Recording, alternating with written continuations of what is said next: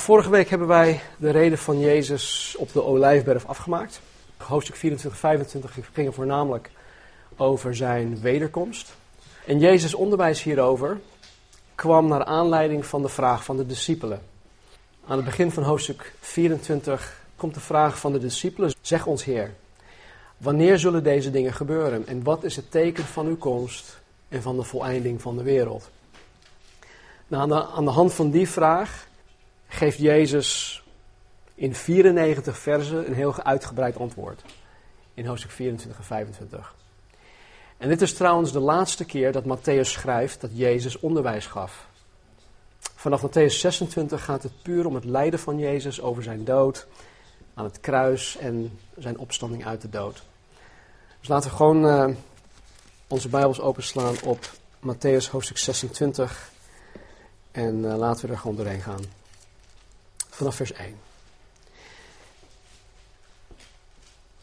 En toen Jezus al deze woorden geëindigd had, gebeurde het dat hij tegen zijn discipelen zei: U weet dat over twee dagen het Pascha is, het paasfeest.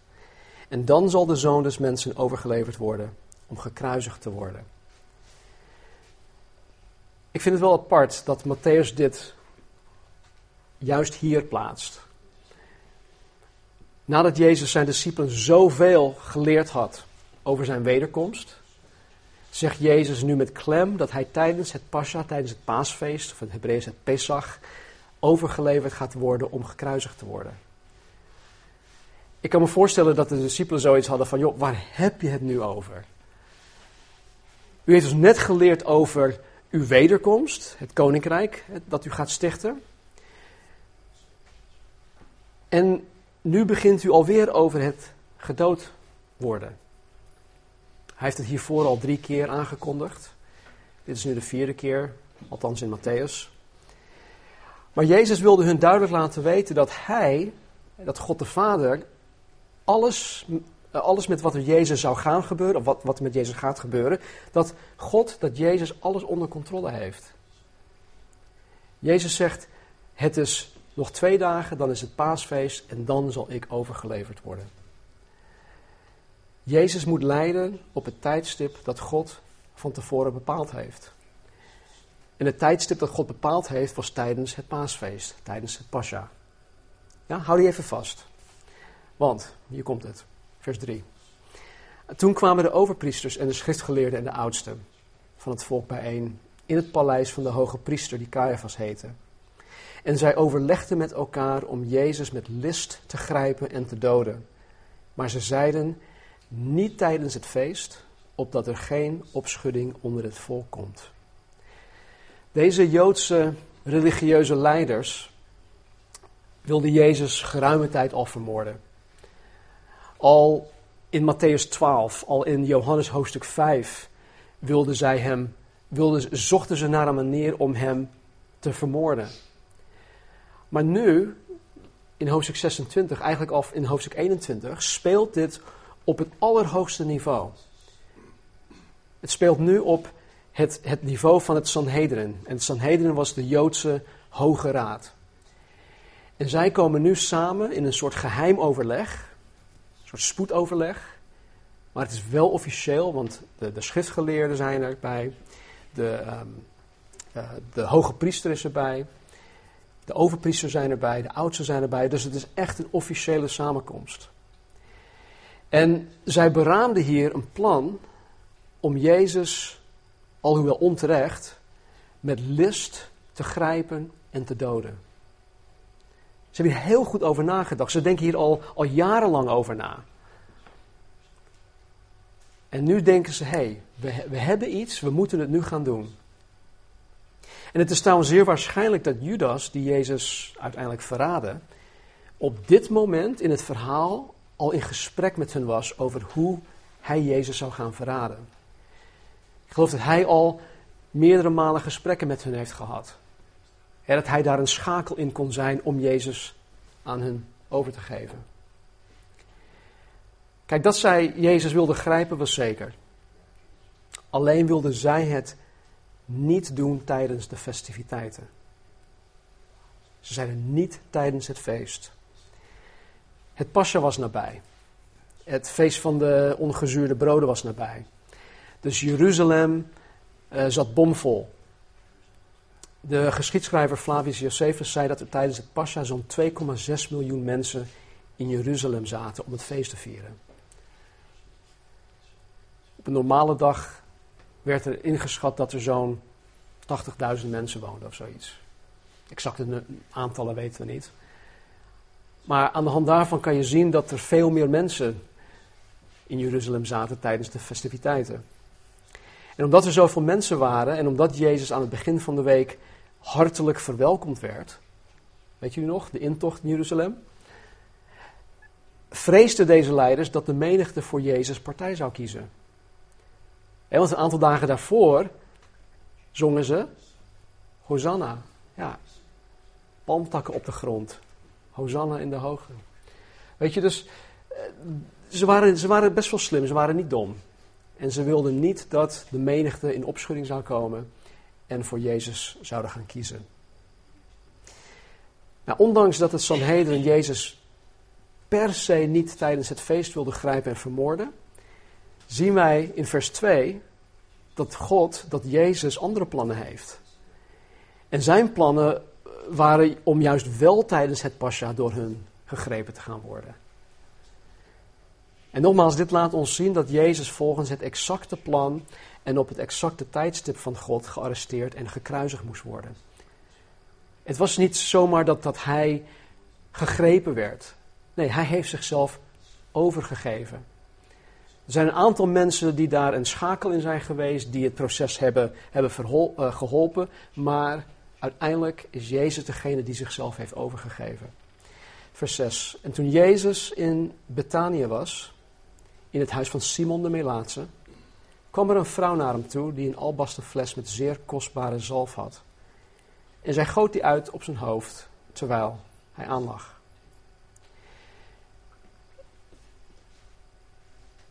Wanneer Jezus Jeruzalem bezocht, logeerde hij wel vaker in Betanië. Uh, we zien bijvoorbeeld bij zijn aankomst in hoofdstuk 21 dat hij in uh, Betanië logeerde. En dat was waarschijnlijk bij Maria, Martha en Lazarus thuis. Maar nu deze keer was Jezus in het huis van een zekere Simon de Melaatse. En deze Simon was natuurlijk geen Melaatse meer, anders zou niemand bij hem in huis mogen komen. Maar hij was hoogstwaarschijnlijk iemand die Jezus op een gegeven moment had genezen of gereinigd van melaatsheid.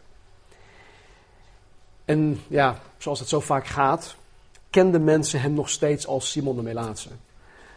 Weet je, we hebben soms wel eens. Uh, ik, heb, ik heb in Nieuw-Vennep, best wel, we wonen in Getsenwoud, dus het zijn allemaal nieuwe mensen. Het is allemaal uh, import vanuit alle andere gemeentes. Maar toen wij nog in Katwijk woonden, uh, en toen wij in Hillegom woonden, ja, elk klein dorpje heeft een soort van dorpsgek. En die staan gewoon bekend bij alle mensen. En uh, ja, die hebben dan ook een bepaalde naam gekregen van de, de dorpelingen. En ik denk dat, dat dit ook zo'n geval was. Nou, Simon de Melaatse, die is en die blijft gewoon Simon de Melaatse. Maar goed. Matthäus geeft aan dat er een vrouw naar Jezus toe kwam. Met een albasten fles. Albasten was een, uh, een marmersoort, licht doorlatend marmersoort. Uh, waardoor je dus ook de, de inhoud kon zien. En deze fles was gevuld met zeer kostbare zalf, oftewel het was geparfumeerde olie. In de andere evangeliën zien wij dat het, een, dat om een nardesalf ging. En een nardesalf dat werd geïmporteerd uit de Himalaya, uit India. Dus om er überhaupt aan te komen was gewoon heel moeilijk, waardoor het ook erg duur was. En Matthäus geeft aan, of in de parallelversen, sorry, in Johannes 12, uh, hier, hier, hier, zegt dus dat het een vrouw is, maar in de parallelversen in Johannes 12 staat dat het Maria was. Nou, welke Maria? Nou, het was Maria, de zus van Martha en Lazarus. En uh, ook staat er in het, in het verhaal van, uh, sorry, van Johannes dat Martha en Lazarus er ook bij waren. Dus in dit gezelschap had je op zijn allerminst had je Simon. Je had Jezus en de twaalf discipelen, dat zijn dan veertien mensen. En dan deze drie. Dus op zijn minst waren daar 17 mensen aanwezig. Ja, hou die ook even vast. En Matthäus geeft aan in dit, in dit verhaal dat Maria het op het hoofd van Jezus uitgoot. Maar Johannes geeft aan dat Maria de voeten van Jezus ermee zalfde. En dit lijkt op eerste gezicht ja, tegenstrijdig. Ah, ik heb je te pakken. Johannes zegt dit en ja, de Bijbel zit vol tegenstrijdigheden. Nee, Jezus zegt in vers 12 uh, eh, iets verderop. Want toen zij, dus deze vrouw Maria, deze zalf op mijn lichaam goot, deed zij dat als voorbereiding op mijn begrafenis. Dus Jezus zegt hier dat zij het op zijn lichaam goot, niet alleen op zijn hoofd.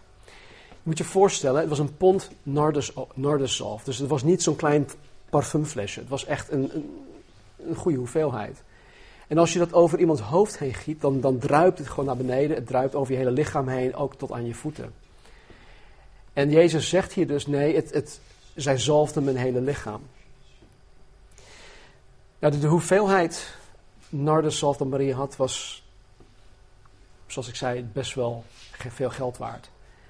Naar schatting ehm, was het ongeveer een, kost het ongeveer een jaarsalaris van een arbeider. Dus dat is, ja, voor ons is dat zelfs veel. Um, normaliter wordt dit gebruikt om een overledene te balsemen. Dus waarom Maria dit had, weten we niet. Maar hoe dan ook, Maria nam iets dat haar heel erg kostbaar was en ze besteedde dat aan Jezus. Vers 8. En toen zijn discipelen dat zagen, waren zij verontwaardigd en zeiden: Waartoe deze verkwisting? Deze zalf had immers duur verkocht kunnen worden en de opbrengst aan de armen gegeven. En Matthäus geeft aan dat de discipelen zich aan Maria ergerden. Het woord verontwaardigd kan ook vertaald worden in zij ergerden zich aan Maria.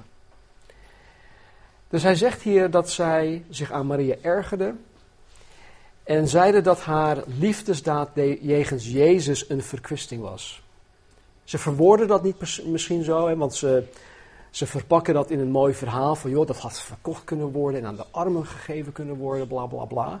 Maar uiteindelijk waar het op neerkomt is dat zij vinden dat deze liefdesdaad jegens Jezus een verkwisting was. In de parallelversen, hoofdstuk 12 van Johannes, in vers 4 tot 6 staat dit. Toen zei een van zijn discipelen, Judas, de zoon van Simon die hem verraden zou, waarom is deze zalf niet voor 300 penningen verkocht en aan de armen gegeven? En dit zei hij niet omdat hij zich bekommerde om de armen, maar omdat hij een dief was en de beurs beheerde en stal wat gegeven werd. Matthäus zegt alleen dat de discipelen dat zeiden. Johannes is iets meer specifiek en zegt: Judas, de zoon van Simon, zeide tegen hem. Het was Judas die ermee begon. Judas, hij begon ermee. En ik geloof dat Judas ook degene was die de boel opstookte. Want waarom zouden de andere discipelen daarin meegaan? Ik kan me zoiets voorstellen dat Judas tegen de andere discipelen begon te morren. Hé, hey, wat vind jij er nou van? Dit kan toch eigenlijk niet? Wat er nu gebeurt? Volgens mij is dit niet bijbels. Weet je, dus en, en vervolgens zeggen de andere discipelen: Ja, weet je wat, je hebt helemaal gelijk. Hoe durf zij? Natuurlijk weten we niet precies hoe dat ging. Maar dit gebeurt vandaag de dag nog steeds. Eén of twee invloedrijke mensen in de kerk die hun ongenoegen met anderen gaan delen en vervolgens de boel opstoken. Ik heb contact met collega-voorgangers, die gaan bijna allemaal gaan door hele moeilijke tijden heen met dit soort situaties. Het lijkt erop alsof het nog steeds erger wordt, naarmate de tijd vordert. Ik geloof dat elke kerk die Jezus in alle oprechtheid wil dienen, die, die, die krijgt met dit soort dingen te maken.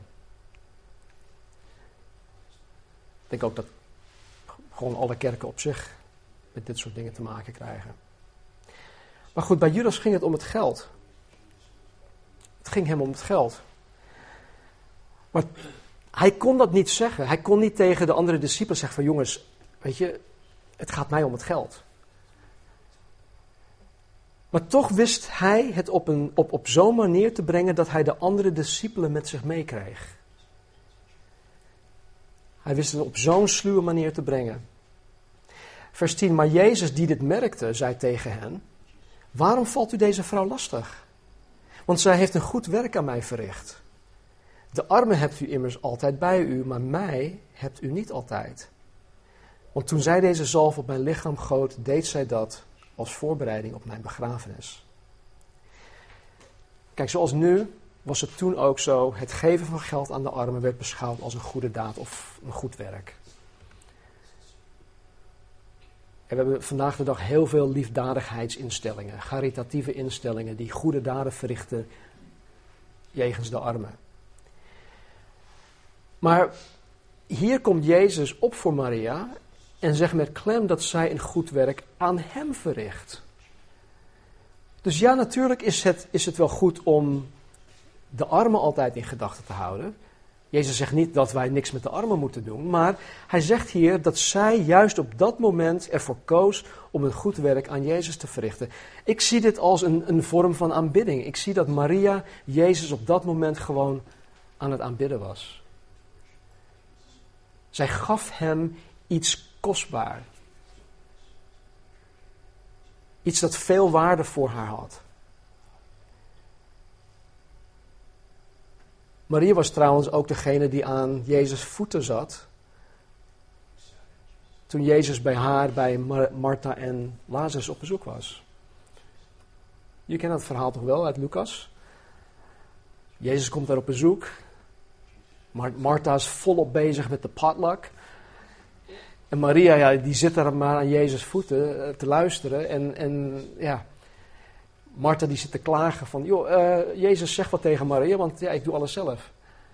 En Jezus zegt even mijn eigen woorden, nee, maar zij heeft juist voor het goede gekozen. Wat jij doet is ook wel goed, het is nodig, maar zij heeft het allerbeste gekozen. En dat is om bij mij te komen. Ik weet het niet hoor, maar het, het lijkt erop dat Maria Jezus als enige geloofde dat hij binnenkort vermoord zou worden.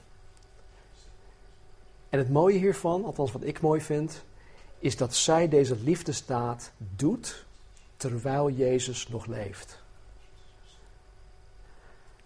Zo vaak hè, maken mensen de fout door hun liefde of door hun vergeving of hun genade of hun trouw niet aan een ander te tonen terwijl de ander nog leeft.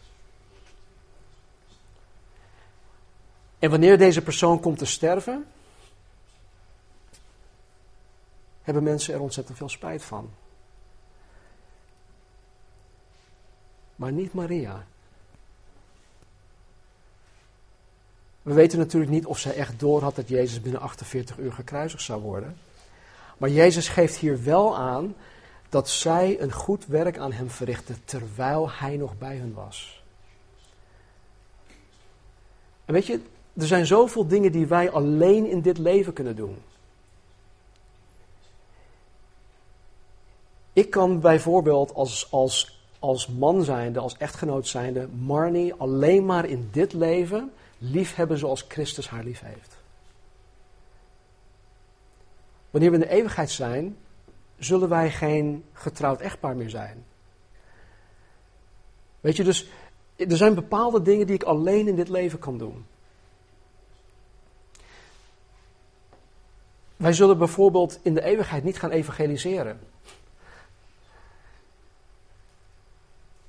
Ik, ik zal niet naar Paulus toe gaan van, hé hey Paulus, of Petrus, of wie dan ook.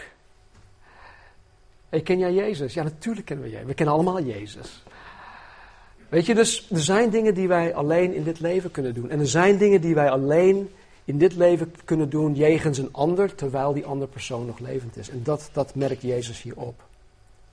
Jezus zegt hier dat toen Maria de zalf op zijn lichaam goot, deed zij dat als voorbereiding op zijn begrafenis.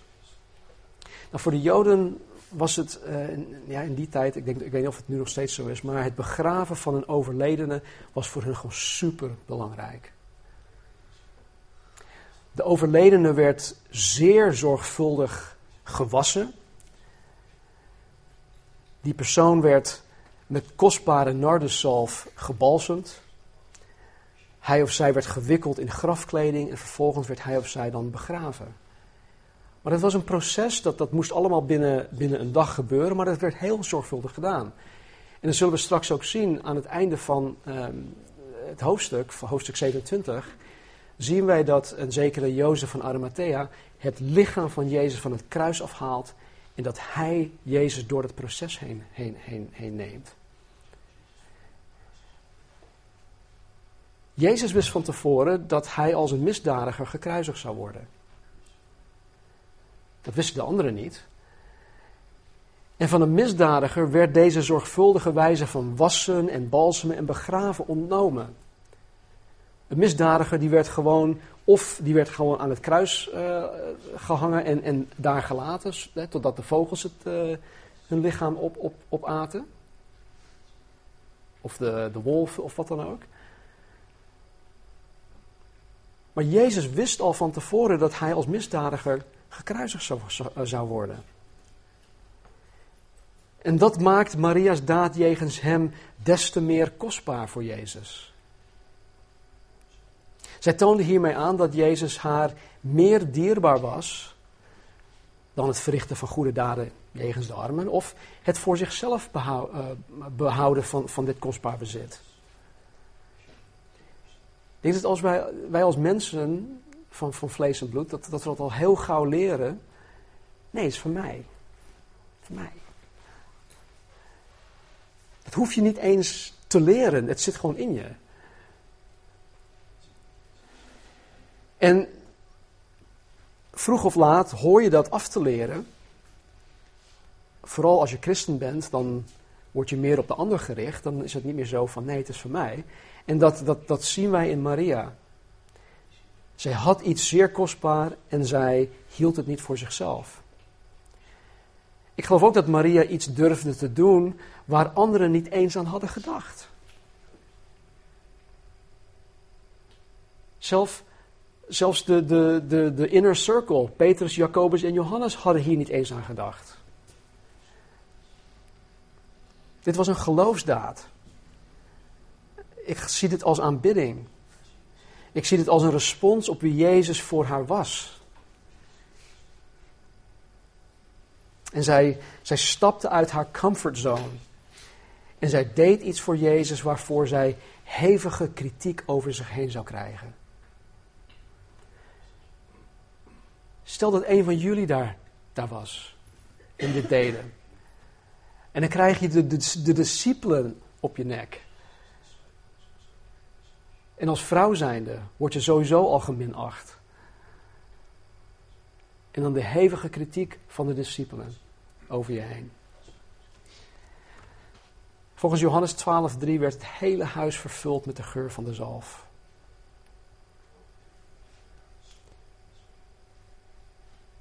Ik kan me voorstellen dat, dat, dat Jezus zelfs nog na zijn arrestatie de geur van deze zalf kon ruiken. En misschien zelfs terwijl hij aan het kruis hing, kon hij het nog ruiken. Want het was binnen, binnen 48 uur dat dit allemaal af zou spelen. En dit was iets, dit was geen pompje hier, pompje daar. Nee, het werd over zijn hele lichaam gegoten. Het zat in zijn haar, het zat in zijn baard, het zat in, overal. Wat een bijzondere liefdesdaad. Vers 13, voorwaar ik zeg u. Overal waar dit evangelie gepredikt zal worden, in heel de wereld, zal ook tot haar gedachtenis gesproken worden over wat zij gedaan heeft. Ik vind het zo mooi, hè? Momenteel, in meer dan 1330 talen is het Nieuw Testament vertaald. En elke keer wanneer iemand Matthäus 26 en Johannes 12 leest, wordt Maria's liefdesdaad herdacht. Vanmorgen weer. Jezus wist gewoon waar hij het over had. Dat moet ons niet verbazen, maar toch mooi om te lezen. Vers 14. Toen ging een van de twaalf, die Judas Iscariot heette, naar de overpriesters en zei: Wat wilt u mij geven als ik hem aan u overlever? En zij kenden hem dertig zilveren penningen toe. En van toen af zocht hij een geschikte gelegenheid om, her, om hem over te leveren. Deze 30 zilveren penningen was gelijk aan vier maand salarissen. Volgens Exodus 21, 32 moest men 30 zilveren penningen aan boete betalen wanneer zij een, een, een slaaf van een ander hadden gedood. Dus stel Marnie en ik hebben een slaaf of hebben wat dienstknechten in huis. Amit die komt, die komt bij ons en uh, niet wetende dat uh, een van onze slaven een pindaallergie heeft, die maakt lekkere pindakoekjes en die slaaf gaat de pijp uit. Even heel plat gezegd. Nou, dan zou Amit ons 30 zilver, zilveren penningen moeten betalen als vergoeding voor de dood van deze slaaf. Dus Jezus is voor heel weinig geld door Judas verraden. Peanuts.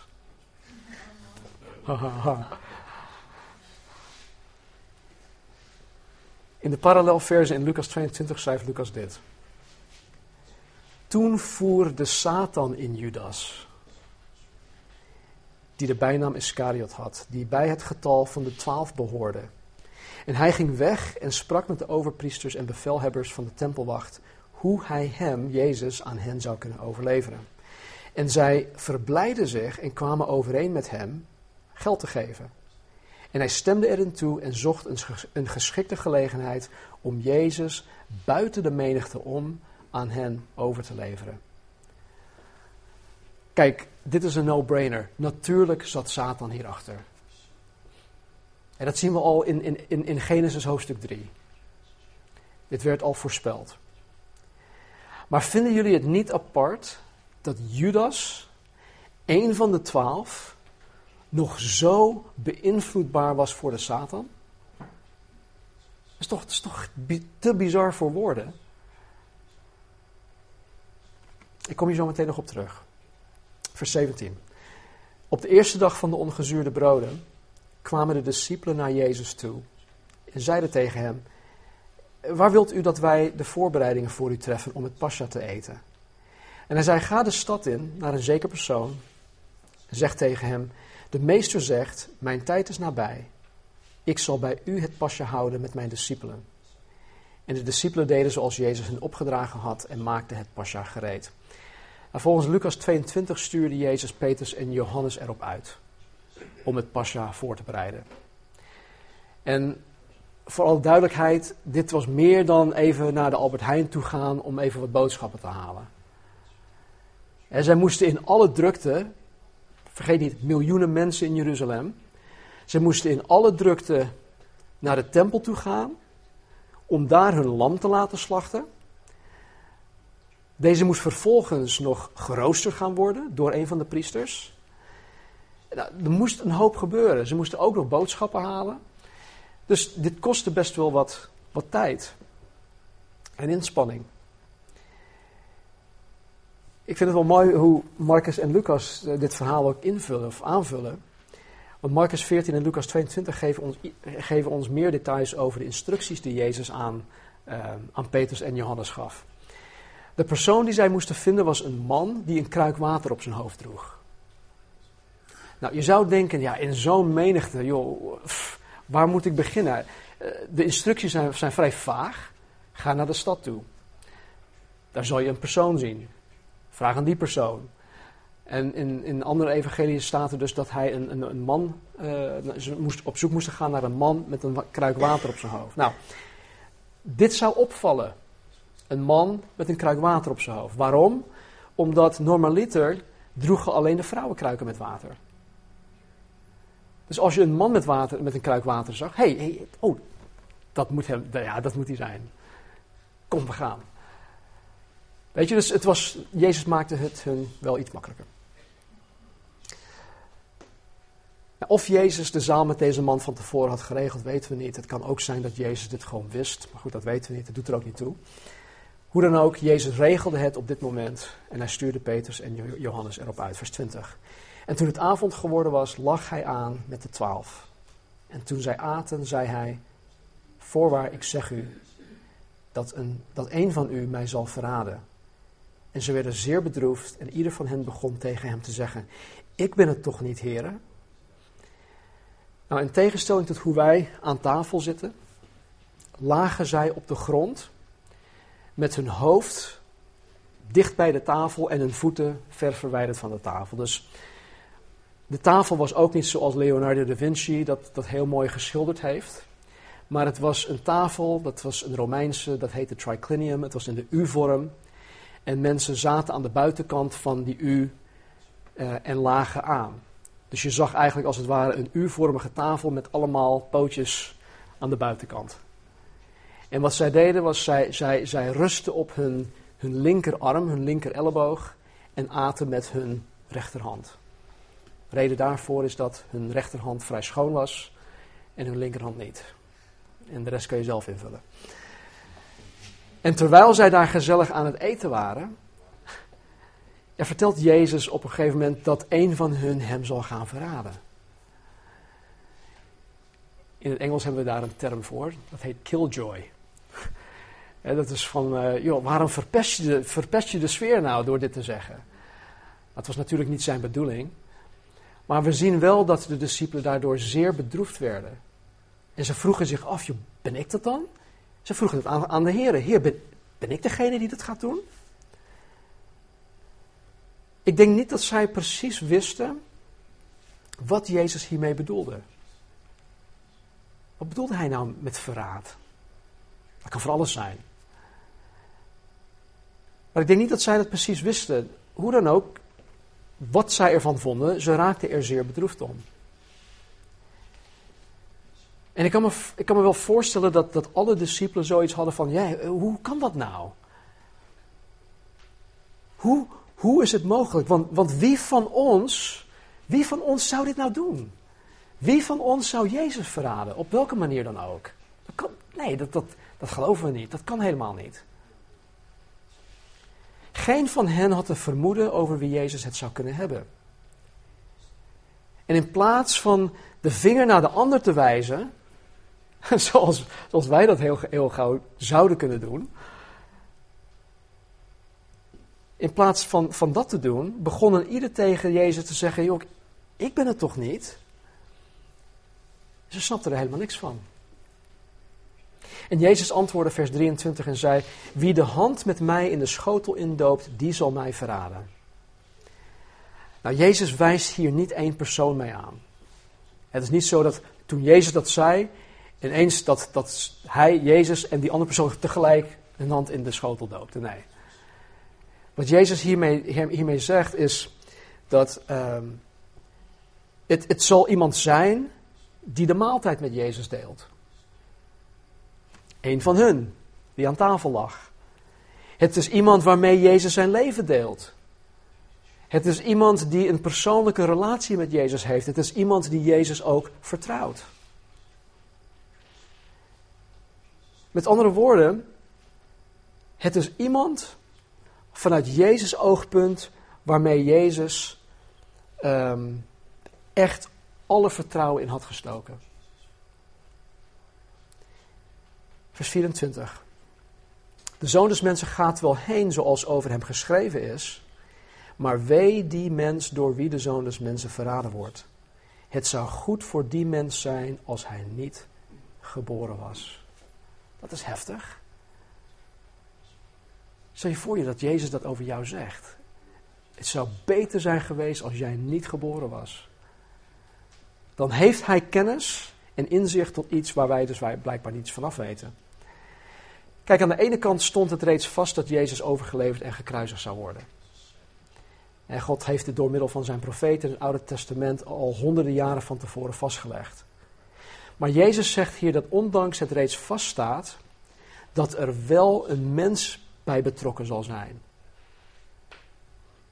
Een mens die ervoor zal kiezen om Jezus te gaan verraden. Het is een bewuste keus van Judas geweest. En over deze persoon zegt Jezus dat het beter zou zijn geweest als hij nooit geboren was. Want Jezus weet wat Judas voor eeuwig te wachten staat.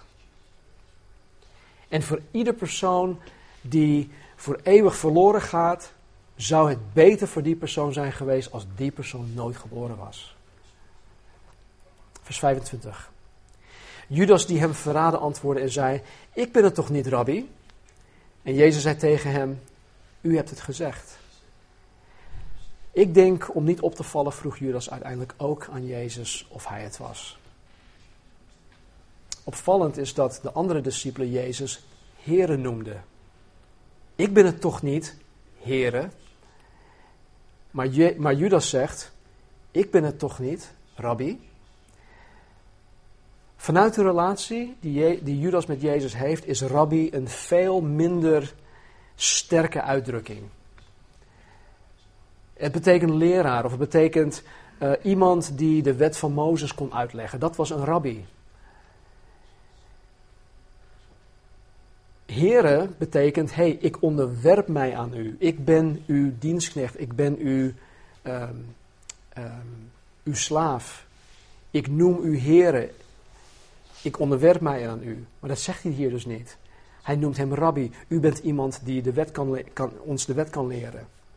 Wij zien hier dus dat, dat Judas al afstand van Jezus aan het nemen is. En Jezus beantwoordt Judas door te zeggen: U hebt het gezegd. Oftewel, je zegt het zelf, Judas. Met andere woorden, ja, jij bent het. Jij bent het. Nou, de vraag waar ik echt, echt mee, mee, mee zit of zat was tijdens mijn voorbereiding was: hoe is het mogelijk dat Judas als een van de twaalf Jezus heeft kunnen verraden? In Lucas staat, of Lucas 6 staat dat Jezus de hele nacht door tot God de Vader had gebeden om een keus te maken over wie zijn twaalf discipelen zouden worden. Stel je voor, Jezus de hele dag wakker, overal aan het dienen, overal mensen aan genezen, het woord onderwijzen en al, al, het, al dat Jezus deed. S'nachts gaat hij niet slapen, bidt de hele nacht door om God te vragen: Oké, Heer, kijk, er zijn zoveel mensen. Ik weet dat ik er twaalf moet hebben, maar wie, wie worden het? En na de hele nacht gebeden te hebben, koos hij onder andere Judas. Dezezelfde Judas heeft samen met de twaalf drie jaar lang dag en nacht met Jezus opgetrokken. Hij is persoonlijk door Jezus onderwezen. Judas heeft Jezus van, van heel dichtbij meegemaakt. Hij heeft Jezus wonder na wonder zien verrichten. Hij heeft Jezus de monden van alle religieuze leiders zien snoeren. Judas werd samen met de, de andere elf discipelen in Matthäus 10 uitgezonden. En ook Judas tijdens die zendingsreis predikte het evangelie van het koninkrijk van God. Ook Judas genas zieken. Ook Judas reinigde melaatsen. Ook Judas wekte doden op. Ook Judas dreef demonen uit. Enzovoort, enzovoort. Wat er allemaal staat in Matthäus 10. Maar toch had niemand in het team door dat Judas Jezus verraden zou. Toen Jezus zei dat een van, hem, uh, van hen hem zou verraden, zeiden ze niet allemaal tegelijk: Ja, zeker Judas. Nee, niemand had het door. Judas kerkte samen met Jezus en de twaalf. Judas had een taak. Judas had een bediening. Judas ging mee op zendingsreizen. Judas ging mee naar de conferenties. Judas zong net zo hard mee tijdens de samenkomsten. En wat het team betrof, hoorde Judas er gewoon bij. Hij was een van de twaalf. Dus hoe is het mogelijk dat hij een van de twaalf was, maar uiteindelijk toch niet een van de twaalf was? Daar komt het op neer. Johannes schrijft in Johannes 1 dat er mensen bij hen uitgegaan zijn. En dat bewijst dat zij uiteindelijk toch niet een van hen waren. En dat, dat, dat bewijst Judas hier ook. Hij was een van de twaalf, maar hij was toch niet een van de twaalf. Maar hoe is dat mogelijk? Nou, schijnbaar had Judas alle kenmerken van een echte discipel. Maar het is nu wel heel duidelijk, en dat wordt steeds duidelijker, dat alhoewel Judas aan de buitenkant een discipel was, hij dat aan de binnenkant absoluut niet was. Judas hield zich aan alle religieuze riten en voorwaarden en, en wat dan ook. Maar uiteindelijk, de bottom line, hield hij niet van God met heel zijn hart, met heel zijn ziel, met heel zijn verstand, met heel zijn kracht.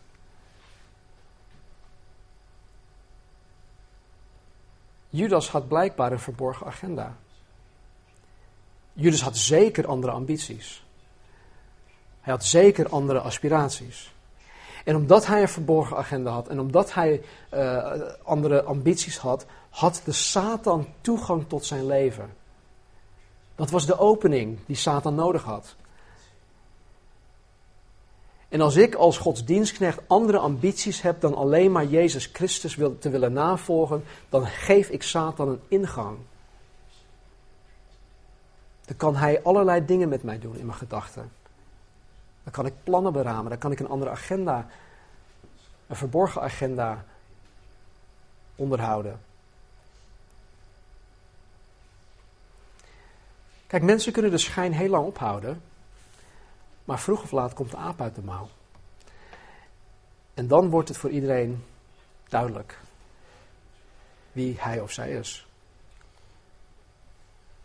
Mits je geestelijk, geestelijke oog hebt natuurlijk. Er zijn heel veel mensen vandaag de dag die voor Judas opkomen. Hè? Dat het niet terecht is dat Judas um, uh, zelfmoord pleegde en dat hij, uh, ja, dat hij beschuldigd wordt als een verrader. Dat hij dus voor eeuwig vaststaat in de Bijbel en in het, in het universum als de verrader, degene die Jezus verraden heeft. Heel veel mensen vandaag de dag die hem op een voetstuk hebben staan. Dus daarom zeg ik, wanneer de aap uit de mouw komt, moet je daar wel geestelijk, geestelijke ogen voor hebben om te zien wat er daadwerkelijk aan de, aan de gang is.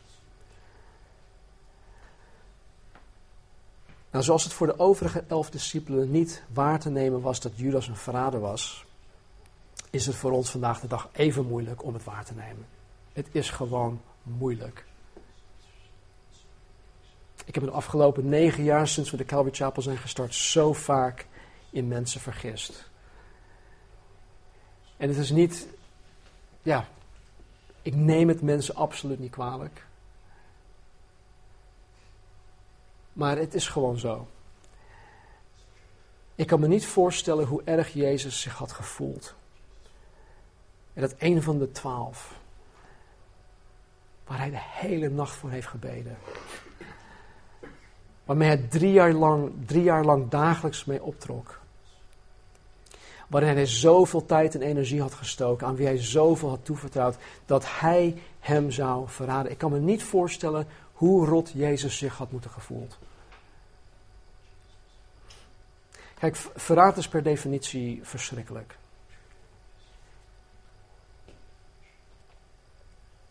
Maar verraad door iemand waarvan je het echt niet zou mogen verwachten, denk ik, is het allerergste wat je een ander mens kan aandoen.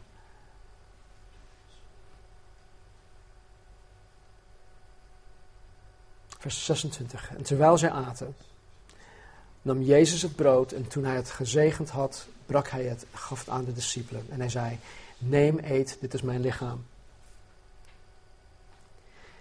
Het Pascha, het paasfeest, het Pesach, herdenkt het moment dat God het volk Israël heeft bespaard van zijn oordeel. God kwam met zijn oordeel over Egypte. Maar God heeft het volk Israël daarvoor bespaard. Toen Israël zo'n 430 jaar lang in Egypte in slavernij was, riep God Mozes om het volk te gaan bevrijden. En jullie die dit, dit verhaal kennen in de Exodus, weten dat de farao absoluut niet meewerkte aan het loslaten van de Hebreeën. En doordat hij niet meewerkte, had God tien verschrikkelijke plagen aan de, aan de Egyptenaren gebracht. En de laatste plaag, de tiende plaag, was de dood van alle eerstgeborenen. De dood van alle eerstgeboren dieren, maar ook de dood van alle eerstgeboren kinderen. Zoals God de Israëlieten had beschermd tegen de plagen, had God er ook voor gezorgd dat Israël ook beschermd zou zijn tegen deze tiende plaag. Maar de Israëlieten er wel, moesten er wel iets voor doen. Zij moesten per huishouden of per tien mensen een lam slachten. En het bloed van het lam moesten zij op uh, de deurposten aanbrengen.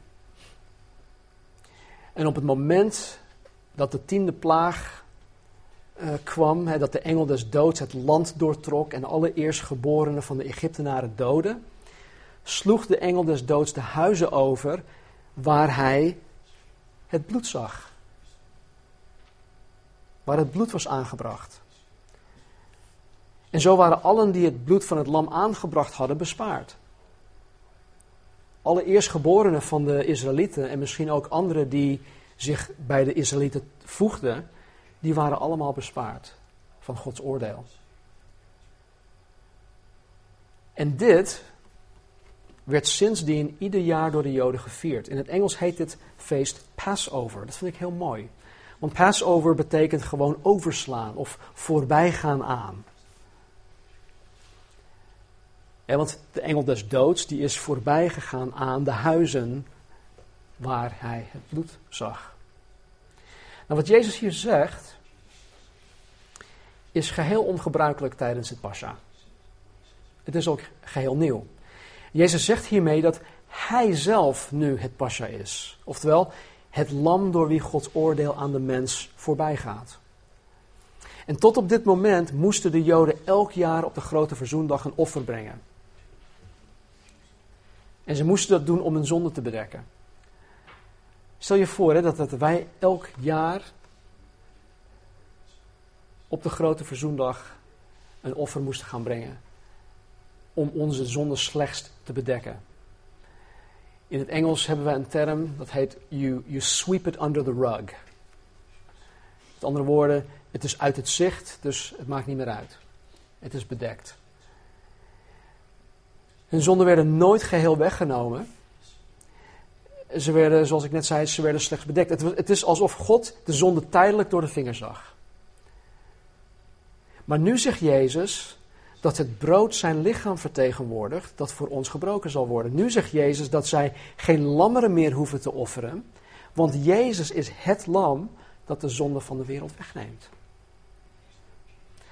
Vers 27. Hij nam ook de drinkbeker en nadat hij gedankt had, gaf hij hun die. En zei, drink allen daaruit. Ook weer, weer apart. Hij geeft hun een, een, een, eh, een opdracht, drink allen daaruit. Ze waren niet gewend om een gezamenlijke beker, of uit, een uit één beker te drinken. Want dit is mijn bloed, het bloed van het nieuwe verbond dat voor velen vergoten wordt tot vergeving van zonde. Hier stelt Jezus het nieuwe verbond in met zijn bloed.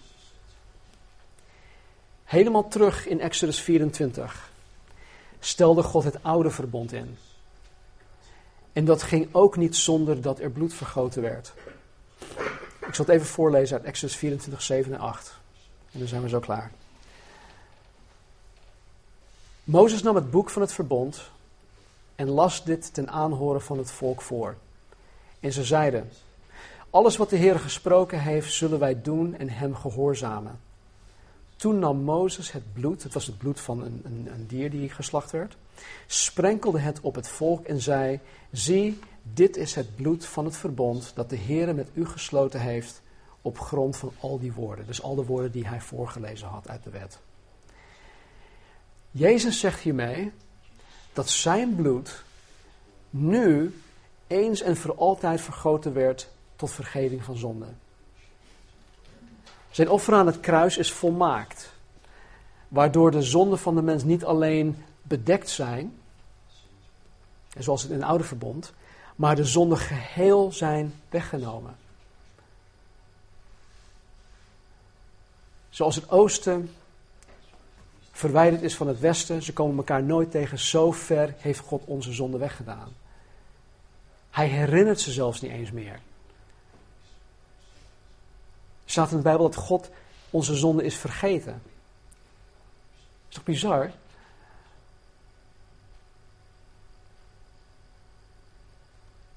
En deze wijn of de druivensap vertegenwoordigt het bloed van Jezus dat voor onze vergeving vergoten wordt. En dan zegt Jezus, ik zeg u, vers 29, dat ik van u, van nu aan, van de vrucht van de wijnstok niet zal drinken tot op de dag wanneer ik die met u nieuw zal drinken in het koninkrijk van mijn vader. Dit is zo, zo Jezus.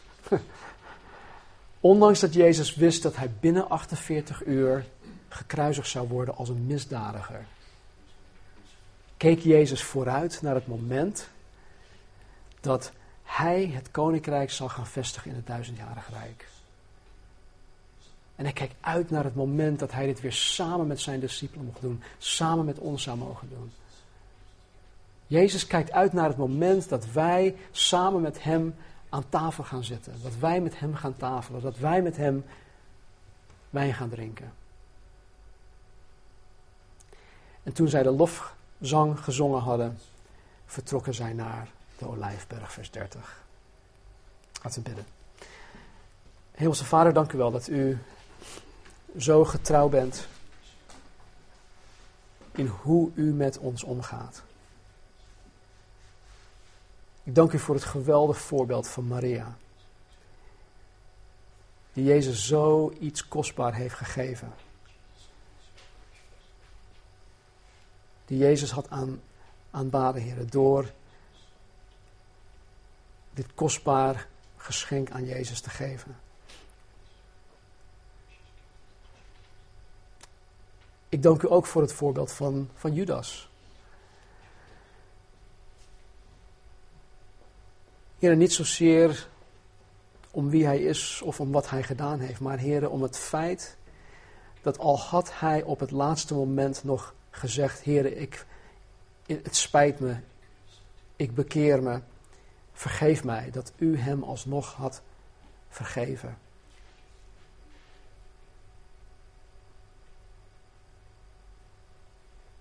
Als we lezen, Heer, dat, hij, dat Jezus hem tegemoet komt in Gethsemane en dat hij tegen Judas zegt, vriend, kom je mij verraden met een kus? Dat Judas zelfs op dat moment zich nog had kunnen bekeren. Dat uw vergeving, dat uw redding, heren, zo ver gaat om zelfs een Judas, heren, te kunnen redden. Dank u wel daarvoor. Heer, ik dank u voor het nieuw verbond. Ik dank u voor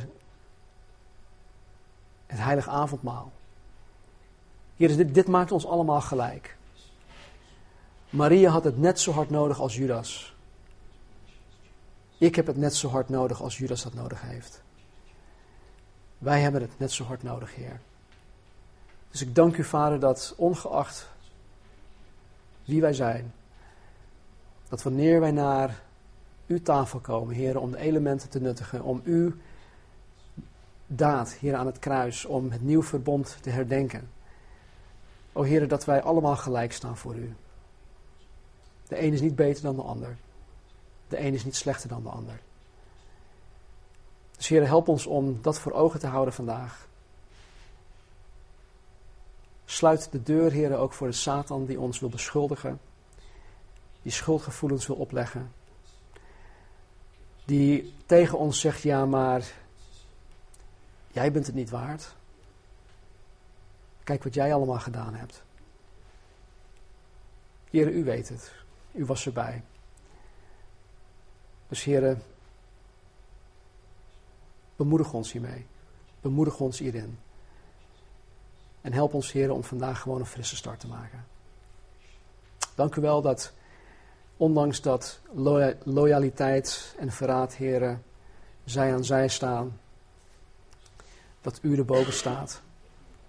En dat u, heren, bij machten bent. Om, ja, om ons allen, heren, te reinigen. Met uw kostbaar bloed. Dank u wel, Heer. Dank u wel dat u, u zo ver bent gegaan. En dat u dit voor ons mogelijk hebt gemaakt. Zegen ons, Heer. En help ons. In Jezus' naam bidden wij. Amen.